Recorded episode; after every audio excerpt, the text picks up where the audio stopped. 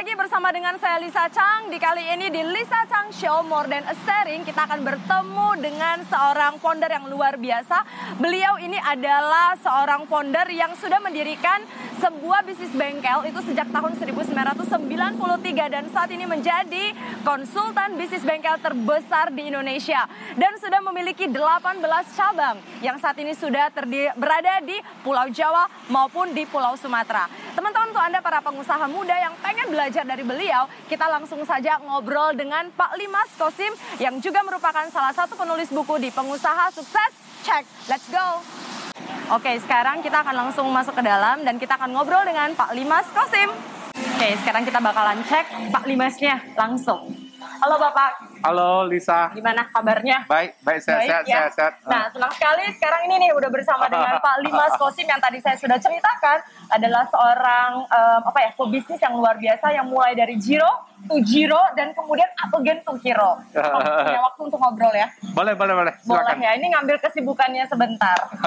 untuk okay. teman-teman yang semuanya saat ini mungkin lagi belajar bisnis mungkin ya Pak ya atau boleh. mungkin Anda penasaran tentang gimana Bapak ini uh, Pak Limas Kosi mengembangkan bisnisnya, yeah. Anda harus dengerin sampai akhir. Benar-benar. Oke, untuk Pak Limas sendiri kita akan sambil ngobrol di sini. Yeah. Ini di Kota Medan. Yeah. Ini Grand Hut ini pusatnya. Betul, betul, betul. Pusatnya. Okay. Saya dengar katanya udah 18 cabang di seluruh Indonesia. Oh. gimana, Pak? Ada yang huh. uh, franchise, huh. ada yang under management. Oh, oke. Okay. Jadi Itu, dia ada dua hmm. tipe gitu. Ada dua tipe under management, berarti di handle sama Grand Sehat? Iya, betul. Uh, di PT Gemasa Indonesia. Oh, oke. Okay. Jadi teman-teman mungkin yang tadi nggak pernah tahu tentang PT Gemasa Sehat Indonesia ini, dia menaungi Grand Sehat salah satunya ya, salah Pak satunya, ya? Salah Dan di sini tuh juga memang merupakan konsultan bisnis bengkel terbesar di Indonesia dan satu-satunya, yang pertama satu juga satunya, ya? pertama. Okay. Apa yang membuat Bapak terpikir menjadi konsultan bisnis? Uh, sebenarnya kan banyak teman-teman yang sesama pemain bengkel hmm. yang mereka mencoba uh, datang ke Grand Sehat oh. untuk mencoba belajar gitu. Yes. Tapi karena ini kita bicara tentang bisnis yang oh. tidak bisa dipelajarin dalam sepenggal-sepenggal gitu. Oke okay, oke. Okay. Dan untuk membuild sebuah sistem itu yes. tidak bisa uh, selesai dalam sebulan dua bulan. Okay. Jadi sehingga terakhir begitu setiap kali mereka datang belajar dan tidak ada hasil, kemudian saya berpikir kenapa kita tidak membimbing mereka benar, benar. step by step sampai benar-benar dia terbangun sebuah sistem yang bagus. Itu udah mulai sejak tahun 2019. Oh, 2019 Baru, berarti dalam dua tahun di masa pandemi Pak Limas Kosim ini bisa mengembangkan sayapnya sampai punya 18 cabang di seluruh Indonesia. Ya. Nah, untuk Pak Limas mungkin di sini tadi saya lihat ya, hmm. ini ada tiga lantai. Iya. Dan tiga lantainya itu teman-teman tahu nggak? Tadi saya sudah keliling. Waduh, bagus banget. Nanti kamu akan saksikan di video kita. Kita akan kasih tahu di sini ada apa aja. Di sini ada uh, aksesoris. Ini, aksesoris. Oh, berarti di sini ada jual aksesorisnya juga ada. lengkap. Ya, spare partnya juga ada. Part aku kasih satu ruangan yang kata Pak Limas ini adalah ruangan yang memang benar-benar menjaga klien juga, yeah. yang mengetahui apa yang paling up to date di dalam bisnis bengkel. Tahukah Anda? This is a very important part in every business yaitu R&D. Iya. Di sini adalah bagian research and development. Kenapa harus punya bagian R&D, Pak? Uh, karena industri otomotif ini bertumbuh dengan sangat cepat. Hmm. Jadi uh, boleh katakan bahwa setiap tahun itu uh, bisa puluhan tipe mobil yang baru yang keluar. Okay. Dan kemudian komputer mobil juga berkembang sehingga okay. uh, apalagi kita berbicara tentang bengkel umum. Bengkel umum itu melayani semua merek okay. mobil. Jadi sehingga kita perlu mendevelop uh, knowledge dari karyawan-karyawan kita sehingga kita ciptakanlah sebuah research, research and development, and development okay. tentang uh, trennya mobil tentang troubleshootingnya seperti apa. Jadi setiap mobil punya karakteristik yang berbeda-beda. Oke, okay, oke. Okay. Berarti bisa kita katakan tim ini adalah untuk biar bisa juga um, bisnis bengkel ini terus upgrade, betul, betul, update. Betul, Jangan betul. nanti ada keluaran mobil yang baru mereka pun nggak tahu. Nggak tahu, ya. Oh, ini departemen ini menghandle juga 18 cabang. 18 semuanya. cabang, jadi setiap ada trouble pusatnya itu di sini. Oke. Okay. Nah, jadi untuk teman-teman mungkin aku bisa sharing. Aku pernah jalan-jalan nih Pak ke salah satu pabrik, tapi itu tempatnya itu ada di luar negeri. Baru ada namanya R&D department dan finally in Medan itu ada juga beberapa pebisnis yang sudah mulai mengetahui bahwasannya R&D itu sangat penting sekali. Betul, betul. Karena di bagian Anda mungkin saat ini kamu pengen bangun bisnis, kamu perlu tahu R&D department is also one of the foundations to grow your business. Jadi mungkin kalau kita mau bahas yang lebih panjang bisa di kantor. Bisa. Aduh. Jadi boleh dijadikan ah, ya? boleh boleh boleh ya. Oke. Ya udah untuk teman-teman, aku udah dikasih sebuah peluang untuk ngobrol bareng sama Bapak. Yuk, sama Bapak langsung kita ngobrol ya. Oke, ya. Makasih ya Pak ya. Ya.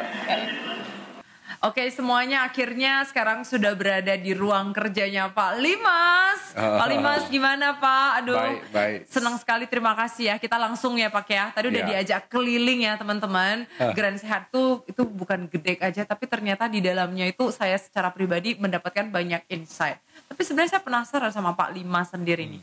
Kenapa sih dulunya katanya staff IT berubah menjadi pengusaha? Eh, Iya, jadi eh, saya kan enam setengah tahun di Jakarta Uh-uh. kerja di satu perusahaan eh, partner IBM. Partner IBM itu bisnis partner IBM. Nah, eh, saya jab- eh, terakhir itu sebagai sistem analisnya di sana. Mm-mm. Secara gaji mencukupin, Iya. cukup mencukupin pada saat itu. Mm-mm. Eh, mungkin saya pikir semua anak muda sama. Iya, iya. Eh, bagi bagi eh, seorang anak yang umur 26, 27 nggak gitu penting punya rumah atau enggak. Uh-uh. Tapi yang penting punya mobil. Betul Pada ya? kala itu ya Pak Iya. ya. Heeh. Jadi eh, waktu itu saya mencoba eh, menabung karena KTP saya KTP Medan jadi nggak bisa beli mobilnya eh, kredit, harus Oke. belinya cash gitu. Oke, itu tahun Tahun sembilan- 91, 92, 93 gitu. saya baru beberapa baru SD, Baru belum SD SD, ya? belum Pak, belum, Belum. SD itu baru 3 4 tahun gitu ya. Oh iya? Iya, benar-benar. Hmm. Hmm. Jadi eh, setiap kali nabung nanti udah eh, 75% nanti kepake lagi uangnya. Mm-mm. Godaan terlalu banyak gitu. Mm-mm. Nah, dua tiga tahun itu eh, nabung terus tapi nggak bisa kebeli. Mm-mm. Sampai terakhir karena saking keselnya eh, saya berdiskusi dengan istri saya. Oh, udah menikah Pak kala Oh, itu ya? Udah, udah, ya. udah tahun kedua. Ini Tahun menikah kedua. muda ceritanya Pak ya. Mau Oke. dibilang muda nggak juga, Nggak juga ya. Untuk 26, zaman- 26 Oh, waktu itu menikah. 26 pada usia pada yang pada Itu. zaman itu itu nggak muda ya kawan-kawan. mudah, nggak mudah ya. Iya, itu nggak mudah. Karena bapakku itu ya di Mungkin sama lah ya. Lebih, iya lebih mudah kayaknya pun. Iya, iya, iya. Ya oke. Sampai terakhir eh, saya kami sepakat untuk menjadi pengusaha Oke, Suami istri ya. suami istri. Nah, tapi waktu itu karena nggak punya gambaran mau jadi pengusaha apa, mau bisnis apa, nggak ada gitu. Oke. Tapi intinya- karena da- dasarnya kan saya dari Medan, Ah, Jadi waktu itu di eh, Desember saya pulang ke Medan, jalan kita lihat kira-kira bisnis bisnis apa ya. ah, Kemudian ada bilang, eh Medan mulai tuh cuci mobil pakai Ah. hidrolik. Saya mikir, boleh deh. Yang penting pada saat itu adalah aku jadi pengusaha. Aku nggak peduli. Tuh Apa ada, bisnisnya Ada apa? modal nggak Pak? Modal. Pada kala itu kan yang penting aku jadi pengusaha. Kan tadi gajinya iya, pas-pasan gitu. Saya berpikir bahwa modal saya itu sekitar 5-6 juta cukup besar. Waktu itu saya berpikir, awalnya ya. Buka apa itu Pak? Ah, iya, iya, iya, iya, iya. Jadi makanya saya bilang, ya boleh, boleh deh Oke, jadi pengusaha. Mm. Saya begitu dihitung, waktu itu mesti sewa tempat dan segala hal itu butuh dananya an- 65, 65 Oke. juta. Waduh, nggak cukup ya. Iya, iya. Nah terakhir, papa saya pinjemin. Oh, oke. Mm-mm, Tapi dengan catatan, setelah bisnis itu jalan, eh, papa saya punya ruko, dianggunkan ke bank, dapat pinjaman bank, lunasin papa gitu. Mm-mm, Jadi saya pinjam eh, sekitar dua bulan lah. mm-mm, Eh, kembalikan 65 juta uang papa mm-mm. dengan modal 10 juta. Itulah eh, modal 10 juta tambah tabungan 5 juta sekian. Nah itulah modalnya. Oh, luar biasa sekali ya Pak ya. Mulai dengan 15 juta, sekarang valuasi bisnisnya sudah omsetnya nggak bisa bilang lagi ya. Tahu nggak teman-teman udah punya 18 cabang, bentuknya sudah franchise, terus kemudian udah 20-an tahun dan saya rasa ini satu-satunya bisnis bengkel yang paling bertahan lama di kota Medan. Saya belum melihat yang lain karena pertama kali saya beli mobil Ya. tahun 2000 itu usia saya 23 gitu. Dua 2011. 2011. Ya, pertama kali saya beli mobil 2011 hingga saya hari ini ya nama sehat itu udah sangat terkenal apalagi Ah, rupanya iya, iya. tadi dijelaskan sama Bapak ya Grand Sehat sekarang udah franchise. Nah, apa sih yang paling mendorong Bapak? Berarti nggak ada dong. Yang penting pengen jadi pengusaha aja. Iya, iya. Jadi eh eh, saya bilang bahwa pertama kali jadi pengusaha hari-hari pertamanya ya, minggu pertamanya rasa bangga, Eh, eh, sombongnya aku jadi pengusaha. Heeh. Tapi saya pikir itu cuman sebulan aja. Oh ya, Setelah itu mulai datang penyesalan. kenapa Pak? Nggak Jadi- cuan ya Pak? Iya, iya. Pertama, pertama nggak cuan. Kedua, eh saya pikir pada saat itu mental saya itu masih mental kar- kar- karyawan ya, Oke. dan statusnya jadi pengusaha. Sehingga begitu banyak masalah muncul, mulai dari masalah keuangan, mulai masalah karyawan, mulai masalah dengan pelanggan, operasional dan segala hal gitu. Belum lagi jamnya, jam eh, saya dulu kerja itu Senin sampai Jumat. Ini Senin sampai Minggu, Senin Minggu. sampai Minggu paginya pagi jam 7 sampai jam 9 malam, jam 10 malam masih kerja gitu. Iya benar, Dan itu nggak cuan. Rugi. benar. Ya. Jadi eh, waktu itu saya tanya koko saya gitu. Kenapa orang bisa untung sedangkan saya itu habis-habisan kerja keras kalau dibilang kerja keras super keras gitu ya kan Udah lebih 12 jam itu. 12 langsung. jam kan dan kita bukan orang yang bodoh gitu ya. Maksudnya secara eh, ilmu, oke ya. ilmu oke gitu. Tapi nggak bisa gitu. Nah itu eh mulailah rasa bersalahnya itu muncul gitu. Eh, saya sampai pernah berpikir gini, apa memang saya nggak punya jiwa pengusaha gitu? Ya. ya kan? Karena satu dua hal Mm-mm. tapi sebenarnya antara batas antara mau eh, frustasi dengan mau sukses tipis gitu. Betty. Betty. Jadi di saat kita sampai batas mau eh, frustasi sebenarnya itu selangkah lagi eh, sukses gitu. Tapi kalau kita berhenti di sana Iya. maka gagal lah. Oke oke.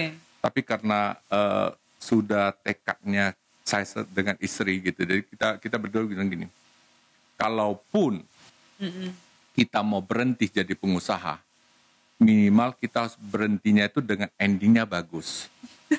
Jadi itu itu cara ngakalin, Ini ngakalin gengsi lebih gengsi besar. besar ya, ya, ya, ya. Oke oke. Jadi minimal kita berhentinya itu bukan berhenti karena gagal, tapi Oke. kita berhenti karena kita nggak sesuai, nggak cocok gitu. Jadi Oke. kita perjuangkan, tapi begitu mulai bengkel itu rame, mulai eh, kita mulai bisa menikmati eh, statusnya pengusaha dan segala hal gitu, eh, tiba-tiba kepengen berhentinya jadi hilang gitu. Mhm. Jadi pada kala itu yang penting em, dari Bapak ini goalnya ya Pak ya dari awal itu goalnya pokoknya kita tidak boleh berhenti apa pun yang terjadi kalaupun berhenti endingnya harus bagus. Iya betul, Oke. Betul. Ya. Ini kita satu hal yang saya pelajari dari Bapak ya. Tadi Bapak menceritakan tentang pengen jadi pengusaha tapi belum punya mental pengusaha. Hati-hati Iya. Anda kalau mau jadi pengusaha jangan mentalnya mental karyawan, Iya. status pengusaha. Iya. Milikilah mental dan statusnya adalah pengusaha. Pengusaha. Yang kedua, memang terkadang frustasi dan juga sukses itu bisa beti, beda Betty, tipis. beda tipis. Anda milih di mana ketika frustasi itu sudah tingkatnya sebenarnya dikit lagi Anda bisa sukses tapi karena Anda merasa enough lah, udah cukup lah, aku mundur lah. Ya udah, mungkin hari ini gak ada grand sehat ya Pak ya. Betul, betul, betul. Iya, pada saat kapan Bapak pernah merasa frustasi kali? Karena nggak cuan kah atau karena apa gitu Pak? Terberatnya di mana sebenarnya? Terberatnya itu sudah set, eh, dalam kondisi tekanan ekonomi yang besar banget, kemudian problem banget, kemudian terjadilah musibah. Oke. Musibah. Mobil jatuh di Oke. saat kondisi yang begitu sulit. Oke, oke. Nah, sebenarnya di saat mobil itu jatuh, saya punya alasan yang besar untuk berhenti. Pada saat itu, Iya, iya. ya kan? Eh, dan orang pertama yang saya, saya, saya telepon itu adalah papa saya. Jadi mm, saya telepon dan saya eh, sampaikan bahwa eh, saya ada kecelakaan di bengkel, mobil jatuh gitu. Nah, pertama papa saya nanya adalah ada yang celaka nggak?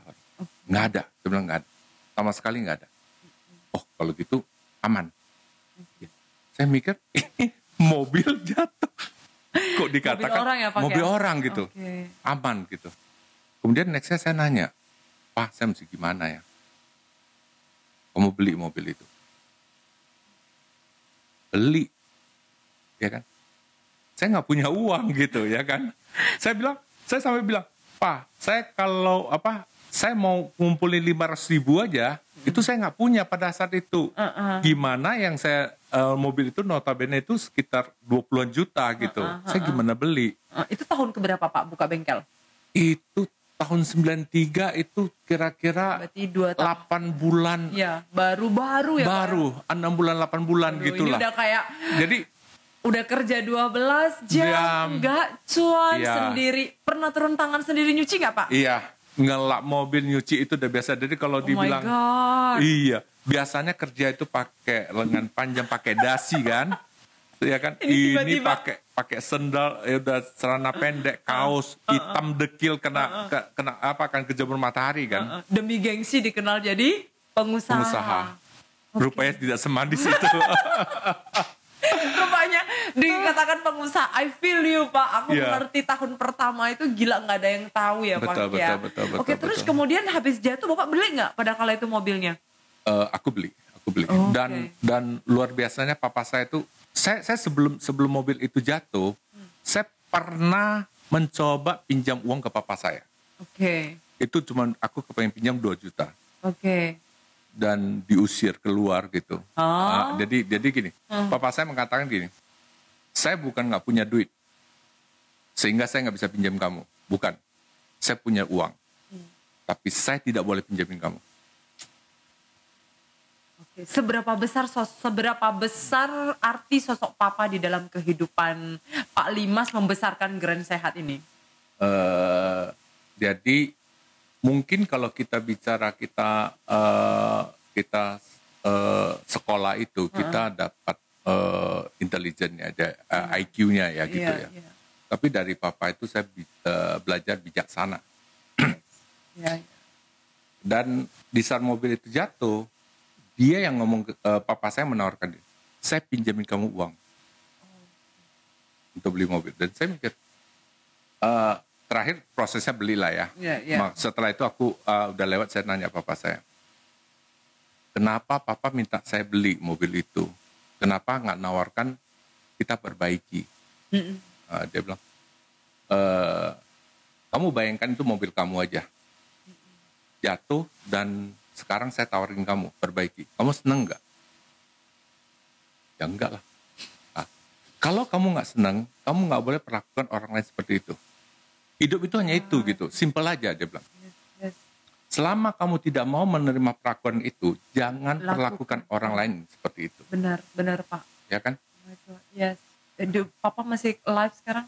Enggak, udah, Oke. udah meninggal. Aduh sih. kalau ada ini saya kayak merasa, aduh Bapak kalau hari ini menonton video ini kayak aduh he is just so amazing. Iya. I do agree. Itu seperti orang mengatakan em, ya memang apa ya uh, if you would like uh, put yourself in another people's shoes Ya. gitu ya. Oh my Iya. god. Oke. Jadi eh, jangan pikirkan berapa besarnya uang itu. Tapi selama kamu tidak ingin diperlakukan itu, jangan perlakukan orang lain seperti itu. Jadi eh, singkatnya begitu itu beli dan karena saya nggak punya uang, mobil itu saya parkir di bengkel, saya tutup dengan terpal gitu. Nah, eh, tanpa saya sadari, saya sadari bahwa info itu tersebar di kota Medan Oh, Oke. tahun 93. Oke. Dan banyak orang datang ke bengkel pura-pura nyuci mobil, tapi kepengen lihat benar nggak mobil itu jatuh di sini.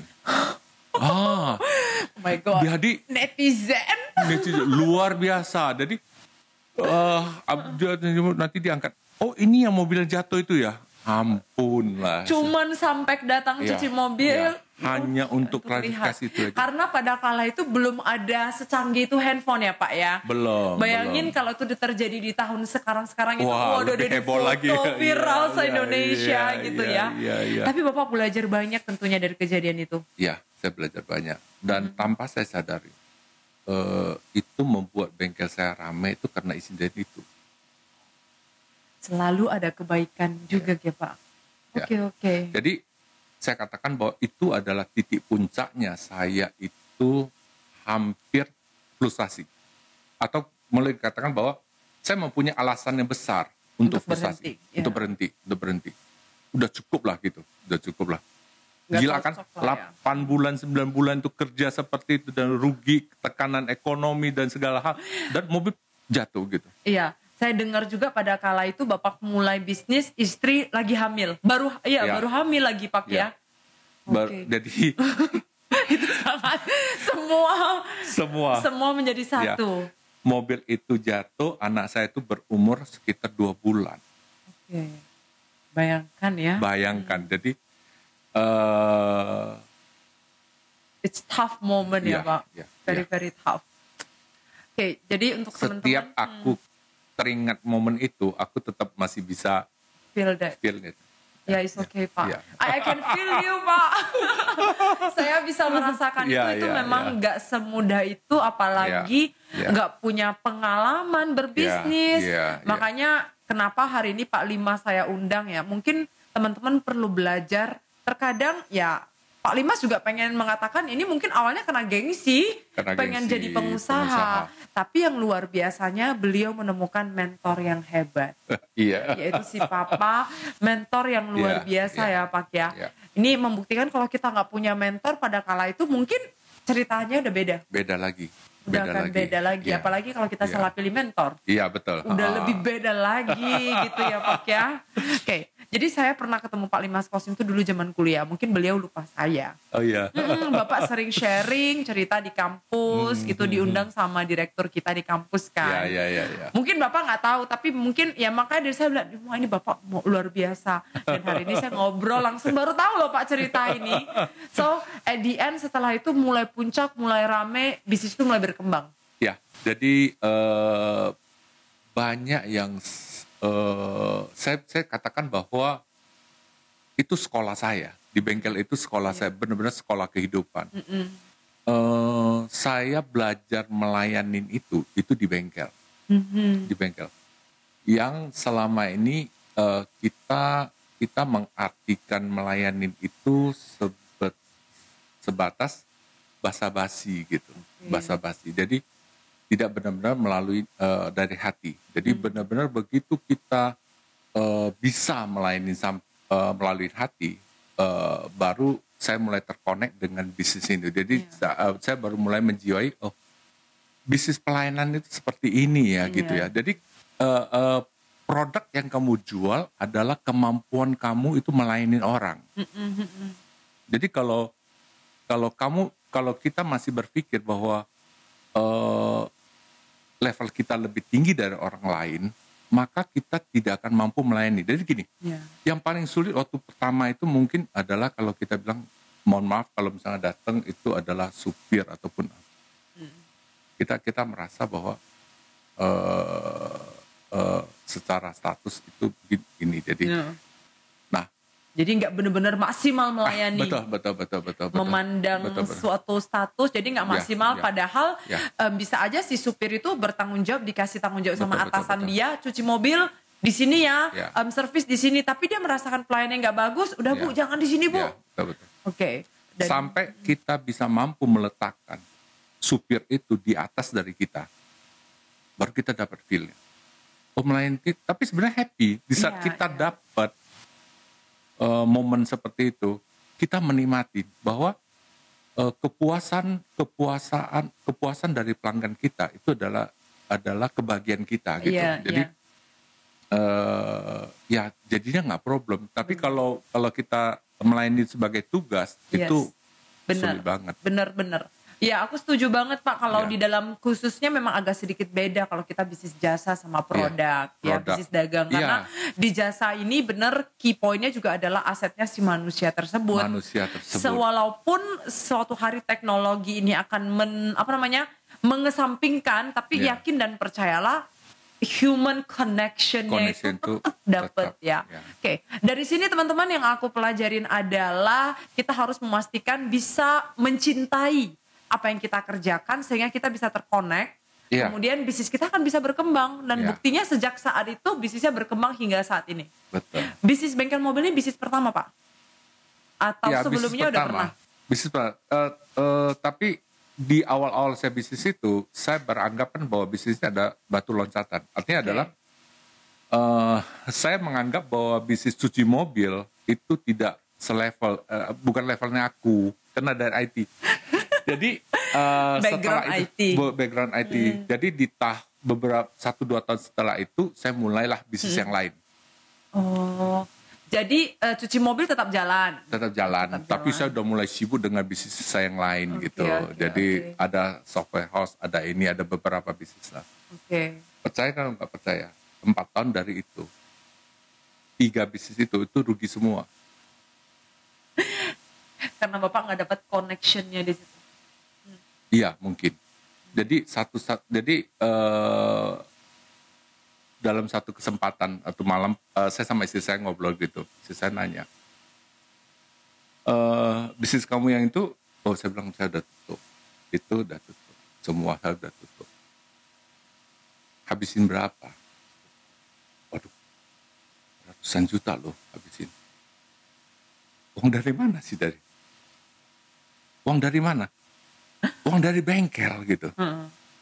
Nah, makanya waktu itu aku duduk mikir, eh, kenapa saya, kenapa hati ini masih belum bisa terima? Kenapa hari hati ini belum bisa terima bahwa eh, bisnis ini terkonek banget dengan sayanya sendiri gitu. Nah, setelah itu rasa kesal, rasa emosi, kesel, terakhir saya punya sertifikat IBM banyak. Ada 40-50 sertifikat. Kemudian saya bilang, "Ya." saya bakar. Semua sertifikat saya, saya kumpulin di lantai. Saya bersama istri saya berdua, bakar habis semua sertifikat. Karena Dan saya putuskan malam itu bahwa saya harus sukses melalui bisnis ini. Bengkel. dan kita buktikan dan beneran sukses bakalan bahkan menjadi konsultan bisnis bengkel pertama di Indonesia. Oke oke Pak, kenapa Bapak sampai em, langsung ngobrol, langsung like take action gitu? Karena itu yang eh, kebanggaan saya di saat itu adalah sertifikat itu. Jadi saya punya kantor kecil, sertifikat saya itu saya pajangin semua. Setiap teman-teman saya datang, teman, dia nanya, "Eh, sertifikat apa? Bagus banget. Saya turunin dengan bangga. Ini sertifikat IBM saya gitu. Oke oke. Nah, waktu itu pada eh, sertifikat IBM untuk mesin i100.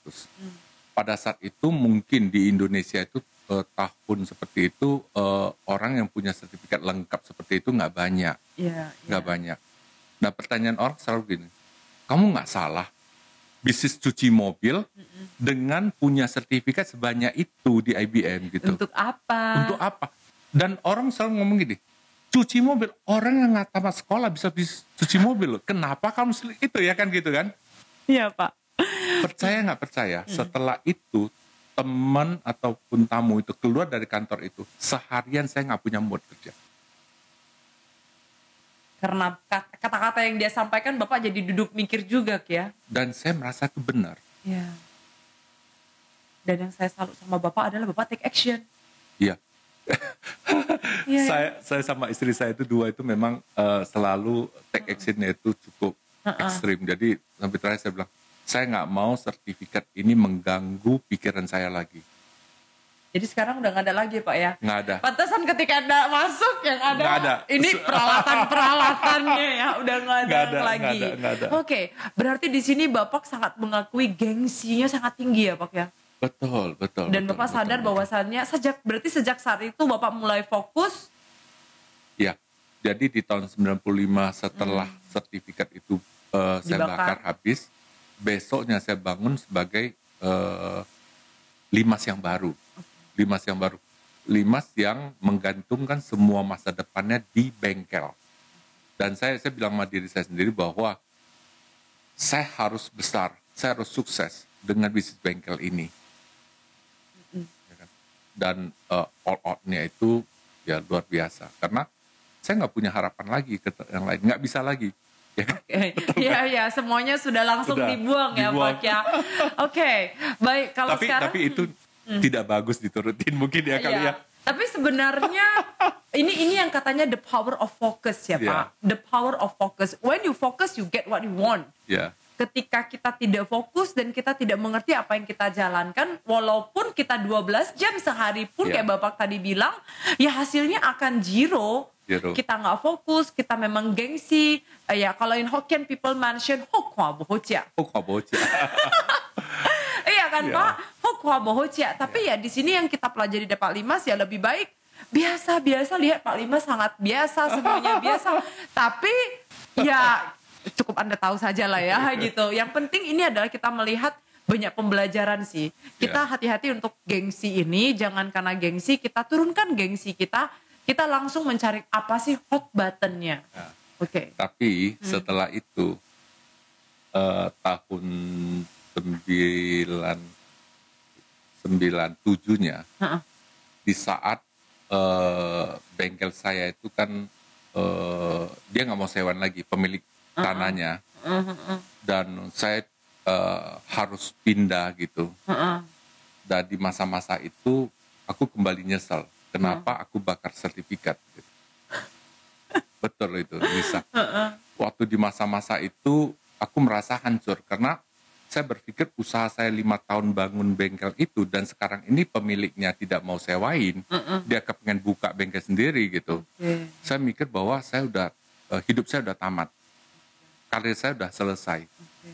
Dan saya sekarang nggak bisa kerja gitu, yeah. nggak bisa. Jadi kalau saya punya sertifikat pada saat itu, saya, saya bisa, bisa alih balik alih lagi balik menjadi karyawan, karyawan mm -hmm. gitu, ya kan. Mm -hmm. waktu itu saya nyesel banget. Okay. Tapi sekarang saya bersyukur kan? Artinya kalau enggak, jadi kita selalu uh, sukses itu antara di batasnya kita mau uh, frustasi, beti-beti gitu beti, ya. Beti-beti. Okay. Jadi kalau misalnya Anda sudah frustasi, udah tingkat puncak, bisa aja suksesnya udah datang. Udah deket. Iya, udah iya. deket gitu kan. Tinggal udah satu langkah dua langkah lagi iya, itu. Iya. Tapi kalau Anda memilih sudahlah, ya udah ini nggak jadi datang. Iya. Itu itu seperti nanti kita edit ya, itu ada gambar yang orang yang cangkul itu loh Pak. Iya, iya, iya. Betul, betul, dapat betul. berlian itu, dia capek ngecangkul padahal berliannya udah tinggal sedikit iya, tapi dia iya. berhenti. berhenti. Oke, Anda lihat gambarnya ada di sini. Itu iya. itu sangat sangat iya. mengingatkan kita banyak orang yang kalau lakukan iya. berbisnis atau mau berhasil ya Pak iya. ya jadi okay. kalau kita ketemu kondisi yang membuat kita itu frustasi di puncak, hmm. berbahagialah. Ya. Karena satu langkah lagi udah sukses itu. Ya, satu langkah lagi ya. ya Setuju saya Pak. Oke. Okay. Kita kira-kira kalau kita ngomong lah, kalau dengan cerita Bapak ya, ya, dari awal hingga saat ini menjadi Grand Sehat yang udah hmm. buka 18 cabang hmm. gitu. Di masa pandemik Pak, baru-baru itu terpengaruh nggak sih bisnis kita? Oh terpengaruh, okay. terpengaruh. Jadi uh, dalam pengalaman saya 28 tahun hmm. bisnis pandemi inilah pukulan yang sangat ber berat. berat. Jadi kita itu di awal-awalnya itu di bulan Aprilnya itu sampai bisa turunnya itu tinggal 20 persen. Turun 80. Hmm. Biasanya kan turunnya 20 persen, iya, tinggal 80. Terbalik. terbalik. Turunnya 80 persen, tinggal 20. Uh, eh, tapi itu hanya dua bulan. Jadi bulan 4, bulan 5, bulan uh, uh, 6. 6-nya dia udah uh, mulai. mulai naik lagi, naik lagi. Jadi uh, sekitar di September, di Agustus, uh, boleh katakan udah beda-beda 5 persen, beda 10 persen hmm. dari sebelumnya gitu. Oke. Okay. Ada berapa sih karyawan yang ada di Grand Sehat ini Pak, lebih kurangnya? Hampir 200 dua hampir 200 ya, ya. dengan hampir 200 ada nggak di PHK pada saat pandemi itu atau uh, tetap dipertahankan tidak ada tidak ada jadi uh. kecuali kalau mereka PHK saya Jadi kalau karyawan PHK saya ada gitu. Kalau saya PHK mereka belum ada. Gimana gitu. mereka PHK Bapak? Ya mereka resign kan berarti PHK saya. Oh, Sebagai iya. atasan dia. Benar-benar kecuali mereka sendiri yang Iya, PHK. resign Ah, ya. iya. Iya, iya. Ya, enggak. Jadi enggak enggak sama sekali enggak. Hmm, tapi ya bersyukur lah kita hari ini bisa Ini membedakan ya Pak ya. Pukulan yang paling besar selama 28 tahun kan itu di pandemik ini ya. Padahal dulunya Bapak juga merasa pukulan yang paling besar itu juga kayak waktu mobil pernah jatuh, Iya. nggak ada omset. Di sini kita bisa melihat perbedaannya. Frustasinya udah agak sedikit berbeda levelnya Iya. dan cara settlenya udah juga semakin berbeda. Iya, betul betul. Inilah kenapa kita butuh belajar pengalaman orang. Iya. Nanti ini ada dibahas loh di buku Pengusaha Sukses Check, buku yang akan launching segera. Teman-teman kalau yang memang belum ada bukunya, tenang aja, pantengin terus nanti di IG-nya saya juga boleh Boleh. atau nanti langsung cek juga di Instagramnya Pak Limas Kosim. Nanti itu bakalan eh, diceritakan banyak tips juga ya sama Bapak. Iya. Tapi cerita ini kayaknya hanya kita aja di podcast ini. Oh, iya iya iya Iya, betul ya? betul betul. cerita ini kayaknya pertama kali diceritain Iya. pula gitu. karena saya sebenarnya menghindarkan cerita tentang mobil jatuh karena eh, eh, nggak enak. Gak kan enak ini. ya. Tapi ternyata setelah dilihat itulah yang menjadi pembelajaran terbesar, Iya, Pak. Iya iya. Kadang-kadang memang yang gak enak itu diceritakan mungkin diceritakan 10 15 tahun yang lalu beda sama rasanya sekarang. Iya iya. iya. Sangat berbeda. Berbeda. Oke, baik Bapak kalau kita mengatakan apakah Bapak sekarang udah sukses nggak sih menurut Bapak? Ada goal yang masih mau dicapai nggak ini? Saya saya eh eh, saya nggak bisa gambarkan Sukses eh, itu suksesnya itu seperti gimana. Iya. Karena karena bagi saya eh, setiap saya mencapai sebuah langkah yang kecil pun saya anggap saya itu sudah sukses gitu. Hmm. Yes, Artinya eh, hari ini saya bisa berbicara dengan Lisa di Hmm. podcast. Saya bilang saya sudah sukses di di podcastnya, ya kan? Hidupnya sangat Iya kan? simple Jadi- dan sederhana. Eh, jadi memang mm, eh, mungkin perbedaan makna sukses dengan Iya, orang setiap lain. orang lain Setiap orang berbeda. berbeda, ya. Nah, mungkin saya penasarannya gini, 2018 kalau nggak salah Bapak udah memutuskan pensiun kan? Iya betul. Iya. Terus kok sekarang lagi kok sibuk kembali Pak gitu. Itu udah Saya- memutuskan pensiun terus kenapa balik lagi? Saya cerita gini, saya eh, hampir boleh eh, kan saya punya visi yang besar. Jadi dari dulu waktu saya masih mulai eh eh, apa kere, saya Yes. mulai masih eh, benar-benar eh, nggak punya uang. Iya. Saya udah mimpi punya bengkel sebesar ini, seperti ATPM. Oke, sudah sudah punya, punya mimpi visualisasinya visualisasi ya. seperti itu sehingga dari dari visi itulah saya sel- eh, selalu punya program lima tahun enam tahun eh, saya kepengen capainya apa lima tahun ini apa jadi saya eh, saya bagi dalam beberapa fase untuk bisa capai ke seperti ininya nah tapi waktu itu karena visinya di saat kondisi belum punya bengkel belum Iya. punya tanah sendiri Hah. eh, punya visi yang punya bengkel sendiri. Iya. Nah, begitu tercapai saat saya berpikir bahwa udah capai, visi saya udah tercapai dan saya waktu itu memutuskan saya pensiun di 2018. 2018 itu eh, saya bersama istri saya nyusun program jalan-jalannya keliling dunia itu selama Udah tercapai. 10 bulan non-stop berhentinya sebentar lah ya. ya kan? So Nah, happy ya Pak your life. ya banyak orang kesel gitu lihat eh, IG dan Facebooknya ini orang kerjanya apa gitu jalan-jalan terus gitu Iya. Itu nggak nggak nggak berhenti berhenti gitu Iya, ya kan. Hmm.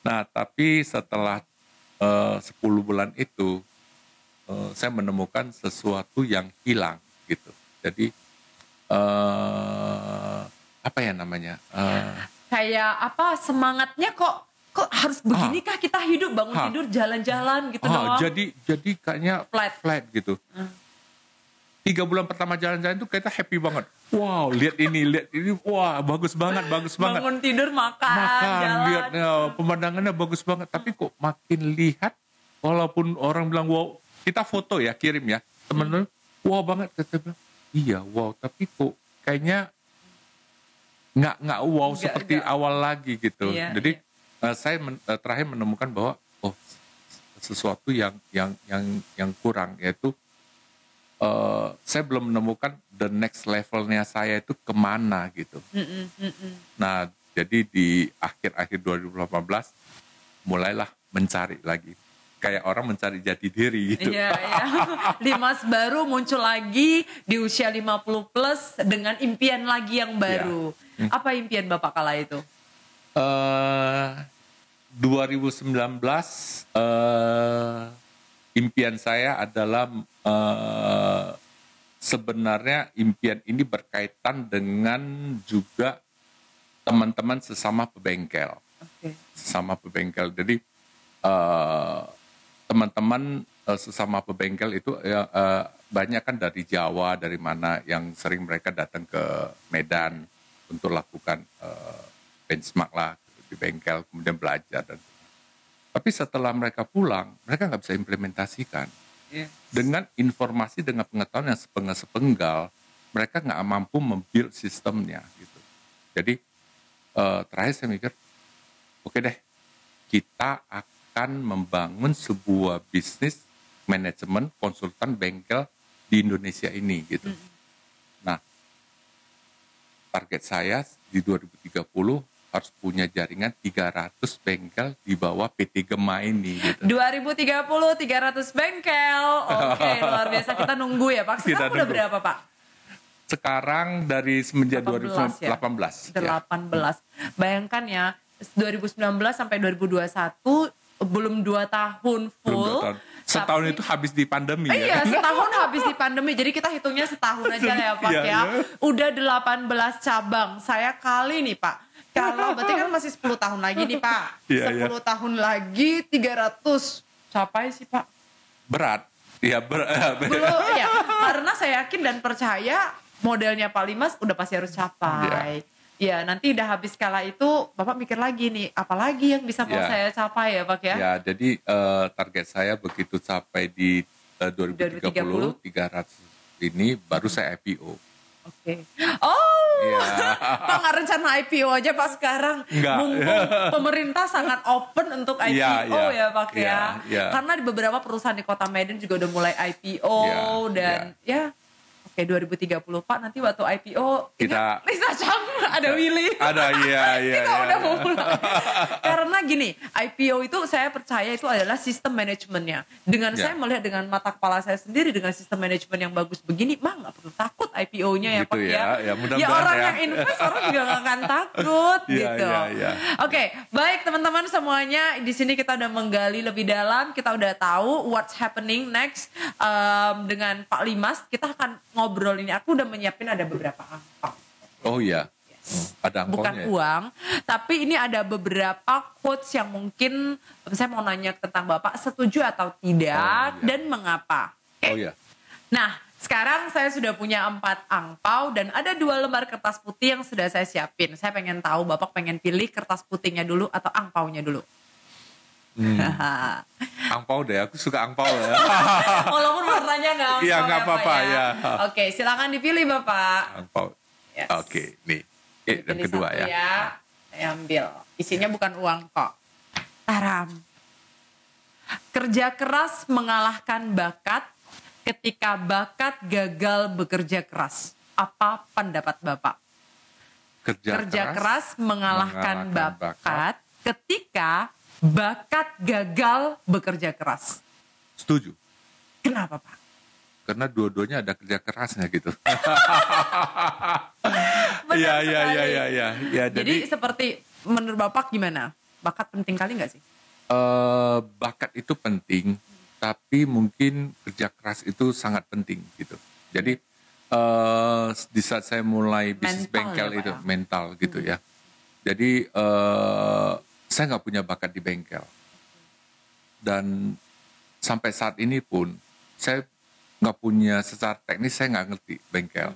Dan saya bukan orang yang hobi dengan mobil. Jadi yes. maka kalau kalau lihat mobil saya itu standar aja, ya. nggak ada yang ini, wow, gitu. nggak nggak nggak nggak gitu gitu. Jadi okay.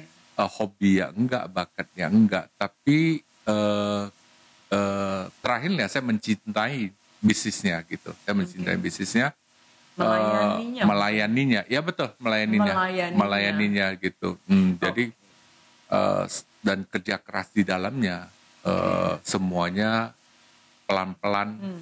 terwujud. Oke, okay. so kerja keras itu lebih penting bukan hanya bakat karena kalau punya bakat aja nggak bekerja keras ya bakatnya nggak bisa terasah. Iya. Oke, okay? untuk teman-teman bagi anda yang punya bakat, ayo kerja keras, tambah lagi kerja cerdas. Cerdas. Silakan bapak, masih ada tiga angka. Oke. Okay. Silahkan. Ini saya pun isinya tadi secara acak loh. Oh iya. Setujukah banyak orang bilang, Lis kalau mau berbisnis butuh modal yang besar secara materi? Tidak. Karena Pak Lima sudah membuktikan modalnya 15 juta. Dengan modal 15 juta. Oke, okay. iya. kenapa tidak Pak? Hmm, setelah saya jalanin, uh, kepercayaan itu lebih penting. Oh, trust. Iya, trust. Kepercayaan dari? Uh, siapa, dari siapa aja. Stakeholders ya. Stakeholder, dari siapa aja. Jadi uh, waktu saya harus pindah bengkel dan saya nggak punya uh, karena nggak punya persiapan dan semuanya saya jual lagi mm-hmm. dan itu juga tidak mencukupin tapi karena uh, kerjanya apa orang sudah uh, mempercayai kita jadi uh, orang gampang meminjamkan uang yeah. saya gitu Oke, okay, well, so di sini modalnya itu juga kembali lagi mentalnya, mentalnya lagi. Iya. Oke, okay, Bapak, saya tinggal sisa ada dua angpau dan dua kertas putih. Aku kertas deh kali ini. Iya. Soalnya yang angpau berat-berat pertanyaannya. Coba yang kertas mungkin lebih gampang kali. Pertanyaan. Waduh, di balik pria sukses ada wanita tangguh yang mendukung. Setuju atau enggak? Setuju, setuju banget. Ah, kenapa setuju. Setuju banget. Setuju banget. Jadi uh, saya dengan istri saya itu sebutannya apa ya? Uh, teman tapi nikah. Kami, kami teman dan nikah. Teman tapi nikah. Oh, memang dari dulu dari teman. Dari dulu. Okay. Uh, dari dulu uh, dan sampai sekarang jadi teman. Okay. Jadi kami itu sehari-hari itu berinteraksi itu uh, jarang kami pakai status kami itu sebagai saya sebagai suami dia sebagai istri. Oh jarang jarang. Betul. Oh this kalau, is like ya, so inspire ya okay. ya hmm. jadi uh, makanya kalau kita bilang sampai di umur 50-an ini kami masih sering bercanda gitu. Masih uh, masih masih bisa sering bermain seperti kita waktu di umur 20-an gitu. Oke, okay, iya iya. Dulu teman kuliah ini, Pak? Uh, enggak. Enggak, teman teman-teman gitu lah ya teman ya. aja. Oke. Okay. Iya iya iya. Jadi saudara dia itu teman kuliah saya gitu, okay. ketemunya gitu. Jadi kenapa Bapak mengatakan teman tapi nikah? Berarti kayak sampai menggunakan bahasa pertemanan ini ya, tapi ya, membangun ya. sebuah keluarga. Iya, uh, status kita nikah. Iya. Tapi sehari-hari itu kami adalah teman. Seberapa Jadi, besar sih dampak adanya istri di dalam kehidupan Bapak? Kalau angka satu paling kecil, sepuluh paling besar, berapa dampaknya Cici di dalam bisnis hmm, dan kehidupan? Uh, mungkin di atas angka 10 ya. Jadi gini, jadi gini. Bisa saya ingin sampaikan begini. Uh, kita kalau kita yang tahu persis kita adalah penonton sebenarnya. Benar. Ya kan? Benar. Dan harus kita ketemu penonton yang berani berbicara apa adanya. Benar. Ya kan? Benar. Nah, uh, istri saya itu adalah orang yang berbicara apa adanya.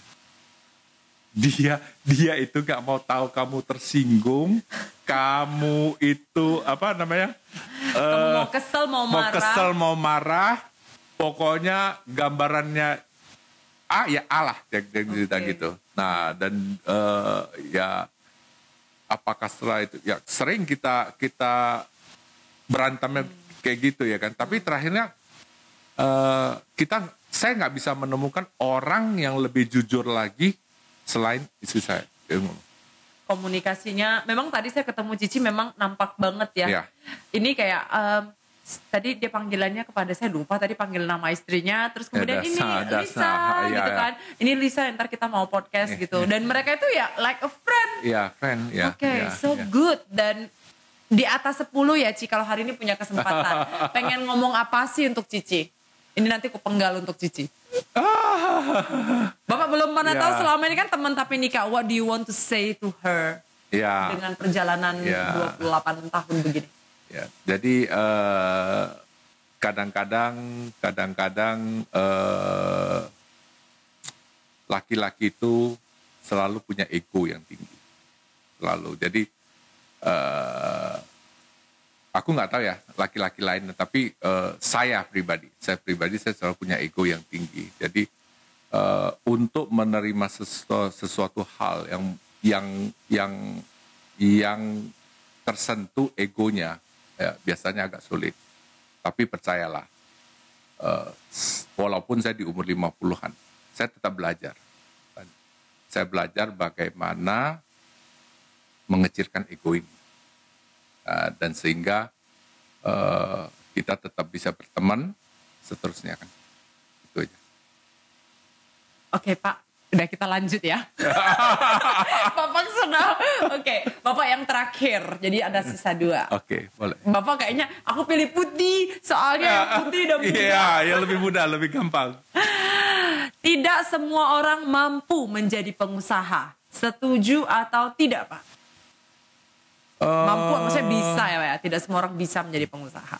eh mampu atau tidak itu adalah pilihan, bukan karena kemampuan dia. Jadi kalau kita bicara bahwa seharusnya semua orang mampu, seharusnya semua orang mampu. Kembali lagi adalah pilihan dia. Kalau dasar dari pemilihan itu sangat kuat, alasan dia memilih jadi pengusaha itu sangat kuat, pasti dia jadi. Ya. Tapi kalau alasan dibalik dia memilih pengusaha itu tidak kuat, eh, begitu. Kemudian satu, banyak orang eh, melempar tanggung jawab ke orang lain. Oke. Jadi eh, itu yang itu yang sehingga sehingga dia memiliki alasan di mana kegagalan itu bukan karena dia. Mhm. Jadi eh saya Tapi suka pakai saya suka lain. pakai bahasa gini. Mhm. Saya adalah pencuri tanggung jawab di saat saya bekerja. Jadi waktu dulu saya kerja ya, kalau orang semua orang eh, menolak tanggung jawab, saya selalu bilang, eh udah aku tanggung jawab. Dan banyak kesempatan saya bisa buktikan bahwa di saat sebuah tanggung jawab itu diabaikan oleh orang banyak, sebenarnya kesempatan kita sukses itu makin besar. Jadi saya pernah waktu saya waktu dulu saya eh, bekerja itu eh, karena sesuatu hal dan kita perusahaan itu harus mengirim seseorang trainer ke Surabaya dan nggak tanggung-tanggung ke tempat angkatan laut angkatan laut. Ah, jadi serem gitu kan. Dan nggak ada yang mau, nggak ada yang mau. Sampai terakhir eh, saya ditawarin, tapi senior saya udah ngomong gitu, Limas, eh, Dek Limas jangan sungkan, boleh tolak itu. Jadi nanti kan sebentar lagi kamu dipanggil sama direktur. tapi Karena semua udah nolak. Ah, ya, dan kamu itu kan junior gitu. Dan kamu belum pernah ikut training. Jadi kamu jangan sungkan, kamu boleh nolak. Ya, dia bilang. Oke. Begitu saya keluar, 10 menit saya keluar, saya terima, saya bilang. saya cuma minta waktu 15 hari untuk belajar. 15 hari untuk belajar. Dan saya minta, waktu itu saya minta ke direktur. Saya diperbolehkan datang, Sabtu saya datang, Minggu juga saya bisa datang di kantor. Ini terbalik ya. Ini Ah, ya. eh, bawahan yang minta tambahan Iya. jam kerja. Ya, jadi saya kalau diperbolehkan Sabtu datang, Minggu saya datang, saya mau belajar karena saya mau belajar install sistem. Jadi itu kan Asparagus kan mesin-mesin. Iya. Jadi saya backup semua satu sistem, saya format ulang, saya install semua gitu. Dan saya harus nunggu kondisi kantor itu tidak tidak ada aktivitas gitu. Jadi yang paling gampang saya nunggu adalah hari Sabtu di saat libur gitu. Nah, setelah 15 hari saya berangkat 21 hari di sana pulang eh, saya dianggap sebagai pahlawan dari perusahaan itu. Nah, itu kan jadi Kesempatan, Kesempatan. yang diambil ya Pak ya. ya ya Oke, so dari sini kesimpulannya semua tidak semua orang mampu jadi pengusaha. Jawabannya adalah tidak setuju. Karena Ya. sebenarnya eh, bukan kemampuan tersebut tapi kemauannya. Kemauan pilihan dia. Yes, kemauan dan pilihannya. Kalau dia memang memilihnya enggak, ya hasilnya juga jawabannya enggak Ya. walaupun dia punya kemampuan tersebut. Ya. Baiklah untuk teman-teman semuanya, akhirnya di sini sebenarnya aku masih pengen ngobrol panjang lagi. Kalau Anda pengen tahu lagi nanti lebih dalam, kamu boleh komen, kamu boleh share ke teman-teman. Undang lagi dong Pak Limas. Nanti kepanjangan soalnya ya. Iya. Terima kasih semuanya yang sudah mendengarkan. Mungkin Bapak boleh tutup dengan tips yang Bapak ingin sampaikan kepada teman-teman sekalian yang hari ini mendengarkan. Ya. Untuk para pengusaha muda, Pak. Oke. Jadi eh saya termasuk Hmm. orang yang yang yang punya banyak impian. Oke. Saya punya banyak impian. Jadi eh, dan hampir banyak impian saya itu yang saya bisa capai. Nah, eh, saya ingin memberikan sebuah tips yang di mana anak eh, anak muda bisa gampang capai. Jadi sebenarnya ada tiga hal di dalamnya yaitu eh, di saat kita punya impian, maka kita harus punya ke- eh, kemampuan dan kita harus punya mindset sesuai dengan kemampuannya. Nah, kalau tiga ini seralas, eh, kamu pasti akan capai impian kamu dengan bahagia. Jadi gini, jangan bisa capai impian tapi tidak bahagia. Itu itu salah. Jadi kamu bisa dapatkan impian kamu dengan bahagia kalau tiga hal ini selaras, sinkron. Itu aja. Tiga hal ini adalah yang pertama Impian, impian, kemampuan, kemampuan dan mindset. mindset ini harus selaras dan seimbang. Seimbang. Karena kalau tidak, ya impian tercapai, hidup nggak bahagia, forward, Forward juga, juga. ya Pak ya. Baik, terima kasih sekali Pak Limas atas Sama-sama. waktunya. Ya. Senang sekali Lisa hari ini bisa ngobrol dengan Pak Limas. Baiklah untuk teman-teman semua yang sudah mendengarkan, terima kasih juga sudah mendengarkan. Tapi Lisa ada buat sebuah pesan untuk teman-teman semuanya. Jatuh bangun dalam karir ataupun bisnis adalah hal yang biasa. Setiap orang pasti bisa merasakan sejuta kebahagiaan tak terbatas ketika sukses itu diraih. Sebaliknya, sejuta kepahitan tak kalah juga bisa menghampiri ketika kegagalan menghampiri hidup Anda. Memang benar kata orang, hidup ini seperti sebuah ban sepeda yang terkadang bisa berada di bawah, terkadang juga bisa berada di atas. Namun ingat bahwasannya hidup itu ibarat naik sepeda, di mana pun untuk menjaga keseimbangan dan keselarasan, Anda harus terus bergerak. Terima kasih sudah mendengarkan bersama dengan saya dan Pak Limas Ya, Kosim, yaitu seorang founder, konsultan, bisnis, bengkel mobil pertama di Indonesia dan satu-satunya di Indonesia saat ini. Sampai jumpa di Lisa Chang Podcast berikutnya. Lisa Chang Show, more than a sharing. See you.